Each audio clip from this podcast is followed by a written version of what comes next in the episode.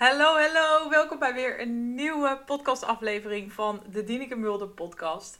De podcast als je weer gaat bevallen of ooit weer gaat bevallen, wil gaan bevallen na een eerste negatieve bevallingservaring. Nou, superleuk dat je weer luistert en uh, nogmaals welkom bij een nieuwe aflevering. Er hebben even wat dagen tussen gezeten en ik zal je ook gewoon eerlijk gaan vertellen waarom. ik heb namelijk vorige week donderdag mijn allereerste online workshop gegeven. En in de voorbereiding daarnaartoe was ik gewoon best wel veel ja, bezig en tijd kwijt aan um, ja, die hele workshop, zeg maar, samenstellen, de inhoud. Maar ja, er komt zoveel meer bij kijken dan ik had verwacht, eerlijk gezegd. Um, het ging goed gelukkig. Ik was heel blij en heel trots dat ik het gedaan heb, want ik wil hem vaker gaan geven. Maar er gingen ook wel dingen mis. En dat is niet erg, want dat hoort erbij, zo'n eerste keer. Um, en uiteindelijk is het een ervaring om van te leren. Uh, maar daar is dus heel veel energie en tijd naartoe gegaan. Uh, dus ik heb vorige week volgens mij maar één aflevering zelfs online gezet. Terwijl eigenlijk mijn plan was om uh, gewoon echt lekker vijf keer per week te gaan podcasten. Dus vandaag is weer maandag, weer een nieuwe week. Dus um, we gaan weer lekker beginnen. En ook deze week ga ik dus proberen om elke dag een podcastaflevering online te zetten. Want aan de inspiratie ligt het niet. Die heb ik genoeg. En, um, maar soms is het wel een beetje zoeken qua tijd. Um, maar vandaag heb ik dus er tijd voor vrijgemaakt. En dat wil ik dus ook um, uh, de rest van de dagen, zeg maar, deze week uh, doen. Um, dus let's see hoe dat gaat. Maar in ieder geval voor vandaag heb ik weer, denk ik, een mooi onderwerp.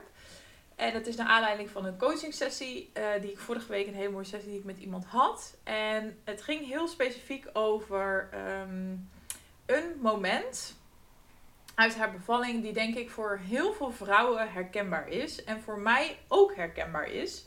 Uh, dus ik dacht, ik ga dat moment, uh, wat zij toen vertelde, even gebruiken als input voor deze podcast. Maar ik ga hem even bekijken vanuit mijn eigen um, ervaring. En uh, wat dat moment was, is, of wat ik eigenlijk misschien goed wil vertellen, wat ik heel vaak, of ja, wat ik doe tijdens sessies met vrouwen, niet eens heel vaak, maar dit doen we eigenlijk elke sessie, is dat we helemaal gaan inzoomen op bepaalde momenten um, tijdens je zwangerschap, bevalling of kraamtijd. En we gaan dan kijken wat het gevoel is wat daaronder zat en of dat herkenbaar is voor je. Um, want heel vaak kan je dat dus weer linken aan situaties in je dagelijks leven. Uh, of eigenlijk, vaak gaan we nog verder terug. Dan gaat het over situaties uh, en het gevoel wat je had tijdens je kindertijd. Dus toen je nog heel jong was. En um, wat we bij haar, waar we, wat we bespraken, zeg maar, in die vorige sessie, dat ging dus over, um, over haar bevalling. Echt in haar bevalling.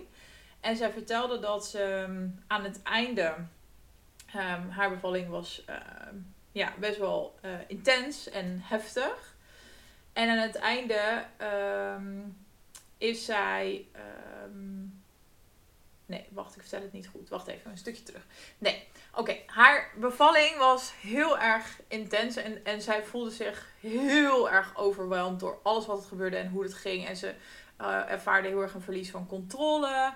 En uh, ze kon um, heel slecht omgaan met, uh, met, de, met de pijn. Of nou ja, wat is slecht? Ze had er heel veel moeite mee.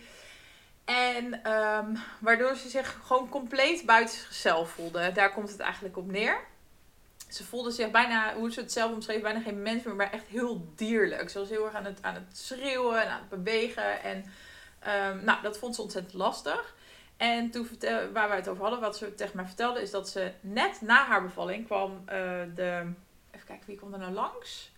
Volgens mij een arts kwam langs om even te checken hoe het met haar ging. En uh, tegen haar te zeggen van, nou, het was heel, heel heftig, maar je hebt het heel goed gedaan. En um, toen heeft zij op dat moment haar excuses aangeboden aan, um, aan die arts. Dus ik vroeg ook aan haar, waar heb, je, waar heb je dan precies je excuus voor aangeboden?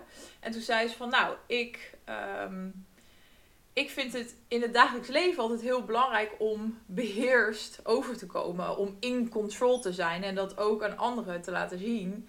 En dat was ik uh, tijdens mijn bevalling verre van. Of eigenlijk totaal niet. Zo voelde dat niet voor mij. En ik vond het heel moeilijk dat de zorgverleners die erbij waren, dus deze betreffende arts, dat die mij zo gezien hebben. Dus ik had heel erg het gevoel dat ik mijn excuses daarvoor moest aanbieden. Want ehm, ik wilde niet dat zij zouden denken dat ik altijd uh, zo ben. Dat ik, dat ik altijd zo um, in het dagelijks leven me gedraag, zeg maar. Dus dat was super interessant. En dit zijn voor mij als coach echt de meest, ja, dit klinkt misschien een beetje gek, maar de meest fantastische situaties om op te reflecteren. Want aan de ene kant, als je aan de oppervlakte, oppervlakte blijft. Oh, nou, ik kom vandaag echt niet uit mijn woorden, jongens. Jeetje, Mina. Oké, misschien komt het omdat ik een paar dagen niet gepodcast heb. Maar als je deze situatie meer aan de oppervlakte bekijkt, dan kan je misschien zeggen van, nou ja, ja dat snap ik wel. Ehm, ik zou misschien ook mijn excuses uh, aanbieden of als dat op dat moment helpt. Maar als je dus een laagje dieper gaat, en dat, dat gingen wij, dat doe ik ook tijdens deze, dit soort sessies met vrouwen. Ik ging dus samen met haar kijken, maar wat, wat zit daar nou onder? Waarom vind je het um, zo lastig dat iemand jou dus zo kwetsbaar heeft gezien en niet, dat je je niet beheerst voelde en niet in control? En waarom vind je het moeilijk dat um, iemand zou kunnen denken überhaupt dat jij dus normaal ook niet beheerst of in control uh, bent? En daar bleek dus van alles onder te zitten. Nou, daar ga ik in deze podcast niet op in. Maar ik wil ook even mijn eigen voorbeeld erbij pakken. Want ik heb dit ook zo ervaren. Wel op een iets andere manier. Dus ik denk eigenlijk dat het voor meer vrouwen herkenbaar is. En dat er ook verschillende reacties hierin zijn. Um, want hoe het bij mij is gegaan, is dat. Um, nou, ik voelde mij dus. Um, ik heb een hele, hele lange bevalling gehad met heel veel interventies. Dus uiteindelijk 48 uur. Uh, verschillende interventies gehad. Dus uiteindelijk in het ziekenhuis bevallen. En ik voelde me heel erg niet gezien. Dat is mijn thema van mijn bevalling, waar, waar ik uiteindelijk ben achtergekomen. En wat ik bedoel met niet gezien, is dat ik echt het gevoel had dat ik helemaal alleen in dat bed lag. En dat er eigenlijk, dat klinkt heel gek, want er lopen constant mensen in en uit in die kamer. Uh, ook gewoon veel mensen, echt veel verschillende zorgverleners. En daarnaast heb je dan ook nog de dienstwissels en dergelijke. Dus dan komen weer nieuwe mensen je kamer binnenlopen. Ik had het gevoel dat iedereen met van alles bezig was, behalve met mij. Dus ik had het gevoel dat niemand echt vroeg hoe het nou met mij ging, maar dat ze vooral bezig waren met uh, het controleren van het uh, bevallingsproces, het versnellen daarvan. En uh, mij laten weten, constant laten weten dat het niet snel genoeg ging, dat het niet goed genoeg ging. Nou, dat, dat is eigenlijk hoe, um, wat mijn um, ervaring was en waarom het voor mij een traumatische bevallingservaring was. Um, en het was ook nog eens, dus dat was meer psychisch. Daarna was het lichamelijk ook echt slopend. Want ik ben dus 48 uur bezig geweest. Ik heb twee nachten overgeslagen. Dus twee nachten eigenlijk niet geslapen. Ik heb misschien toen de ruggenprik erin zat heel even geslapen. Maar gewoon, ja, eigenlijk vrijwel niet in twee dagen, twee hele dagen tijd. En um, uh, en daarnaast had ik dus ook allemaal medicatie in mijn lijf zitten. Dus de ruggenprik. Ik heb nog een bolus, heet dat, nog bij gespoten gekregen. Omdat de ruggenprik niet goed zat. Ik, uh, even kijken hoor. Ik, ik, kreeg een infuus met weeënopwekkers. Uh, dus er zat van alles in mijn lichaam. Ik was waarschijnlijk door de rugprik en ook door de bevalling ontzettend misselijk. Dus ik was alleen maar aan het overgeven. Echt non-stop. Dus dat kost ook super veel energie. En daarnaast ben je ook gewoon aan het bevallen, wat überhaupt al heel, heel veel energie kost. Um, en uh, door, denk ook een combinatie van dingen en uh, onder andere door de vermoeidheid begon ik um, nou, echt gewoon te hallucineren. Dus ik begon echt dingen te zien die er niet, uh, die er niet waren, zeg maar. Dus ik, er stond een kapstok in die kamer waar ik lag en daar hing iets aan, maar ik dacht dat daar steeds twee mensen stonden die naar mij uh, aan het kijken waren. Dus ik was ook echt zo langzaam aan een soort van de weg, echt letterlijk de weg aan het uh, kwijtraken in mijn hoofd. Uh, maar voor mijn gevoel was, zag niemand dat, er was niemand daarmee naar mee bezig. Dus daarin voelde ik me dus heel erg niet gezien. En ehm, nou, uiteindelijk ben ik dus bevallen, 48 uur, wel vaginaal. Dus uiteindelijk is Daniel, mijn zoon, met een uh, vacuüm-extractie, heet dat dan volgens mij, een kiwi, uh, met een, vacuümpomp uit mij getrokken. En toen was hij geboren. En um, ik weet ook heel veel dingen niet meer van mijn bevalling. Dus er zijn heel veel blank spots. Ik weet dat meerdere vrouwen, um, dat, er, dat meer vrouwen dit hebben.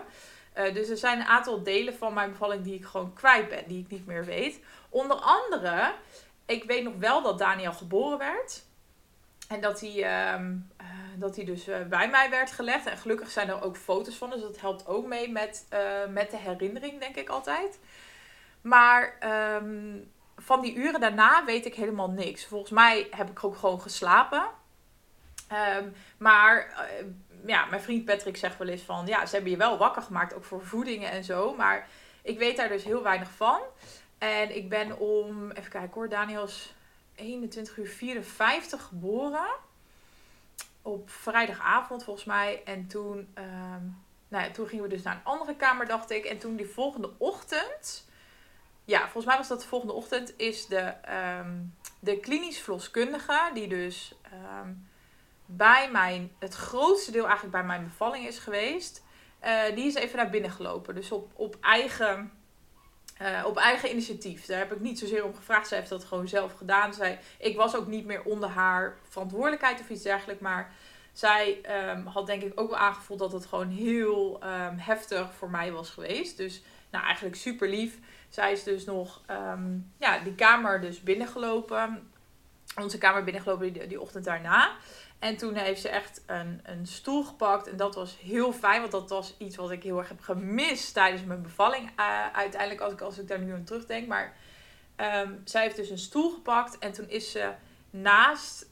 Um, oh, ik word er bijna weer emotioneel van als ik eraan denk. Maar dat, misschien herken je dat wel. Het was gewoon zo het is zo fijn als iemand even als mens bij je gaat zitten. In plaats van. Want wat er tijdens mijn bevalling constant gebeurde, is dat zorgverleners uh, aan het, het voeteneinde stonden. Dus. Uh, in, tenminste, in, mijn herinnering. Uh, misschien hebben ze af en toe ook wel gezeten, maar in mijn herinnering stond iedereen de hele tijd aan het voeteinde van mijn bed. informatie, zeg maar, te, te delen met mij. Of we hadden we een gesprekje. Dus ik lag dan in dat bed op mijn rug natuurlijk. Of, natuurlijk, ik zeg dat meer een beetje zo natuurlijk van, nou dat wist ik toen allemaal nog niet, maar ik lag dus op mijn rug. En dan aan het voeteneind stonden, stonden telkens die zorgverleners, dus de klinisch verloskundige verpleegkundige en de gynaecoloog is ook aan het einde een paar keer langsgekomen. Um, en dat is een van de dingen, en dat is puur gewoon, het lijkt iets heel kleins, maar alleen al door dus de, eigenlijk de houding, de lichaamstaal die ze aannamen, voelde ik mij heel erg niet gezien. En de, dit bedoel ik niet als, um, als verwijt, maar um, meer dat dat dus dingen zijn die daar aan dat gevoel kunnen, kunnen bijdragen. Dus dat het meestal niet eens gaat ook om wat iemand zegt, maar ook um, ja, lichaamstaal, uh, body language, zeg maar. Hoe, dat kan ook heel erg meehelpen. En toen zij dus de volgende ochtend, die klinisch verloskundige, echt een stoel pakte. En dus naast, ja, volgens mij lag ik toen nog wel in bed. Of nou, misschien ging ik, ik ging volgens mij op de bedrand zitten of zo.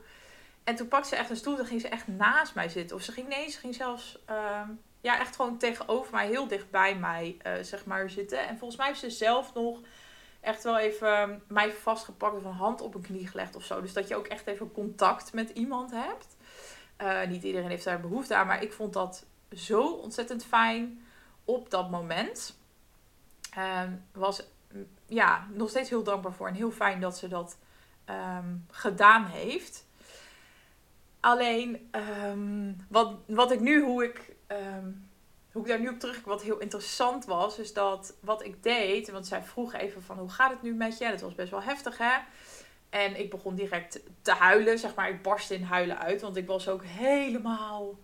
Ja, ik was gewoon gesloopt op alle vlakken. Ik was psychisch helemaal van de kaart. Lichamelijk helemaal van de kaart. Ik was gewoon... Ik lag echt in duizend stukjes. Daar komt het op neer.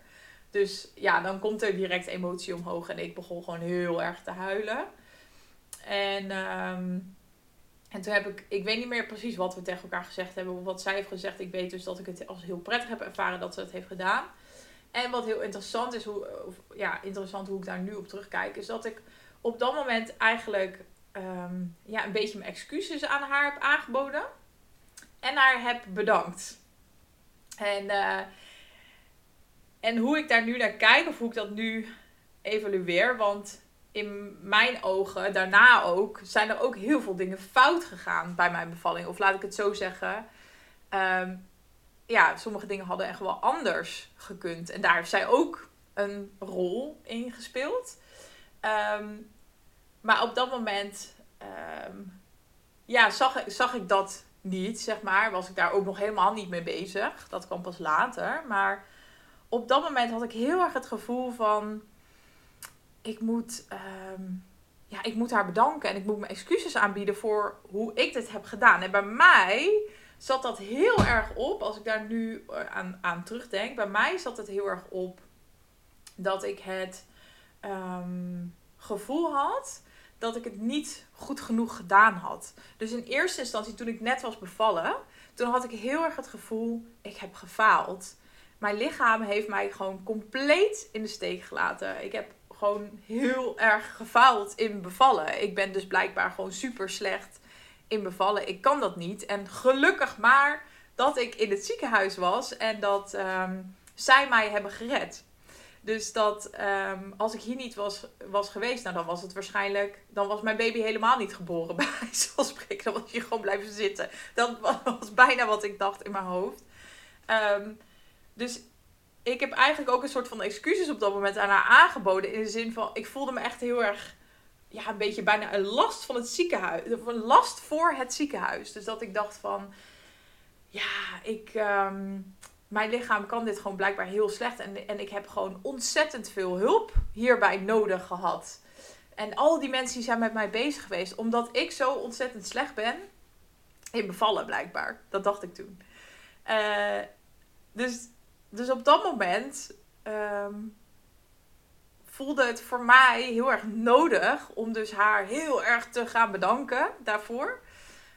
Um, en ook een beetje mijn excuses um, ja, eigenlijk te gaan aanbieden. En, uh, en misschien herken je dat wel. En bij iedereen is deze reactie eigenlijk anders. Dus bij um, degene die, waar ik dus vorige week een coaching sessie mee had, zij ging dus heel erg haar excuses dus aanbieden voor dat ze het gevoel dat ze veel te,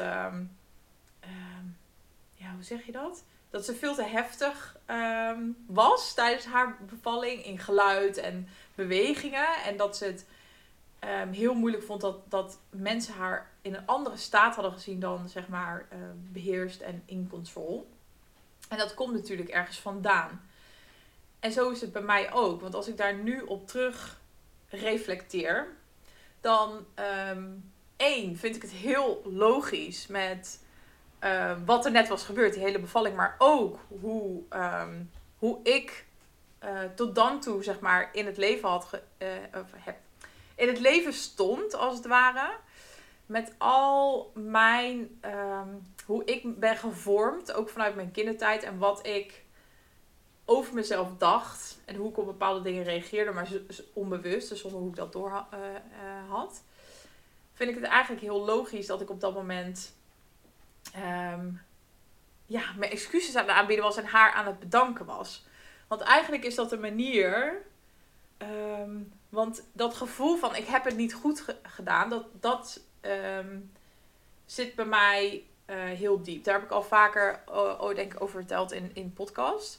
Ik vind het heel moeilijk um, om met het gevoel te dealen dat ik iets um, niet, of dat ik iets niet goed doe in de ogen van een ander. Dus dat ik kritiek zou krijgen en dat ik daarop afgewezen zou worden. Dus um, onbewust heb ik altijd vanuit dat patroon gereageerd. Op dingen ben ik met dingen omgegaan. Dus heel hard werken, mezelf bewijzen.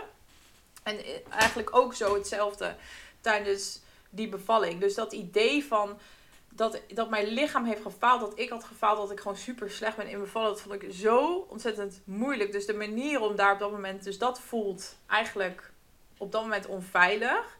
En om je weer veilig te kunnen voelen, ga je dus op zo'n moment dus iemand bedanken, terwijl het eigenlijk nergens op slaat. Iemand excuses, eh, je excuses aanbieden aan iemand, terwijl dat helemaal niet nodig is. En soms zijn het ook andere reacties. Het kan ook zijn dat je gewoon echt heel erg boos wordt, bijvoorbeeld. Echt woedend op zorgverleners. Ehm, dat kan ook. Het heeft er maar, ja, het heeft er heel erg mee te maken ook met wat, hoe jij dus bent gevormd. Dus welke, welke patronen jij hebt ontwikkeld. En hoe je dus hoe jij gewend bent om weer, dus onbewust, en een soort van veil, om je weer veilig te voelen. En hoe je dat dus normaal doet. En in mijn geval is dat dan bijvoorbeeld, um, is dat people pleasen, bijvoorbeeld.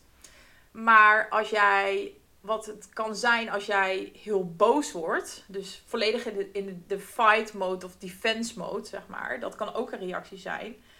Dat kan te maken hebben met dat je gewend bent of gewend bent dat je een patroon hebt ontwikkeld om ehm, mensen een soort van. Uh, dus de connectie te verbreken eigenlijk. Dus van je weg te houden, om mensen af te stoten. Dat kan ook zijn. En dat is dus, uh, vind ik, super interessant. Want juist door dat wat meer te gaan aankijken, te gaan uitpakken, ga je dus ontdekken waar komt dit eigenlijk vandaan en waar heeft het mee te maken? En doe ik dit ook in andere situaties met betrekking tot mijn werk, tot relaties, tot het moederschap? Ehm, en waarschijnlijk ga je daar dus ook connecties in zien. Dus ga je zien dat dat ook op andere vlakken van je leven heel erg verweven is. Ehm, ja, dus daar wil ik ermee afsluiten. Ik denk ten eerste wat ik je, ja, wat ik je wil meegeven, zeg maar, naar aanleiding van deze aflevering. Um, want wat er bij mij gebeurde is dat ik, ik ben dus fases doorgegaan eigenlijk in, in het proces, het verwerkingsproces naar die bevalling. En op een gegeven moment kwam ik ook in een soort van fase terecht dat ik, dat ik heel stom vond dat ik haar, uh, die klinischverloskundige had bedankt. En uh, dat ik daardoor heel kritisch werd op mezelf. Um, maar je mag daar echt, weet dat het waarschijnlijk voor jou super logisch is. En dat dat voor jou op dat moment even nodig was. Om letterlijk om te overleven en te dealen met wat er net was gebeurd. Ehm, dat je dus op dat moment iemand hebt bedankt. Of heel boos bent geworden. Of je excuses hebt aangeboden. Terwijl je misschien nu denkt van... Ja, why? Waarom? Dat was echt totaal niet nodig. Ehm, maar dat je daar gewoon begrip en empathie voor mag hebben. Voor jezelf. En daarnaast denk ik dat het heel waardevol kan gaan zijn om eens te kijken, wat zat daar nou onder? Waarom was dat voor mij nodig op dat moment? En ehm, wat wilde ik eigenlijk niet voelen op dat moment? Waarom vond ik het zo moeilijk ehm, dat een ander dit en dit van mij heeft gezien of heeft ervaren? En ehm, ja, ik denk dat dat een heel waardevol inzicht kan zijn. En mocht je daar nou hulp bij kunnen gebruiken, uh, schroom dan niet om een DM'tje te sturen. Ik denk heel graag met je mee, dus een DM via Instagram. En je mag zelfs ook rechtstreeks een uh, gesprekje met me inplannen, dus in mijn kalender, dus van 30 minuten. En dan denk ik ook heel graag met je mee. En ja, hoe ik hier naar kijk, is dat je hier zo ontzettend waardevolle inzichten uit kunt halen, die je vervolgens weer gaan helpen naar ehm, het ja, voorbereiden op een tweede bevalling. Dus je gaat bewustzijn krijgen op uh, bepaalde patronen en overtuigingen. Die je vervolgens waar je mee kunt oefenen al in het hier en nu. En wat je dus heel erg gaat helpen. Dus ook weer in de reis naar die tweede bevalling. Dus ik hoop dat je hier iets aan hebt gehad. Dat het weer een waardevolle aflevering was. Let me know of het herkenbaar is. Daar ben ik ook heel benieuwd naar. Stuur het gewoon even via een DM op Instagram. Laat me weten. Is dit herkenbaar? Hoe heb jij dit ervaren? Heb je ook je excuses aangeboden? Heb je ook mensen bedankt? Ben je heel boos geworden? Let me know. Ben ik heel benieuwd naar. En ook natuurlijk of de aflevering waardevol voor je was. Dus wat heb je eruit gehaald? En even kijken. Nee, ik ga hem lekker hiermee afsluiten. Heel erg bedankt voor het luisteren. En ehm, tot de volgende aflevering.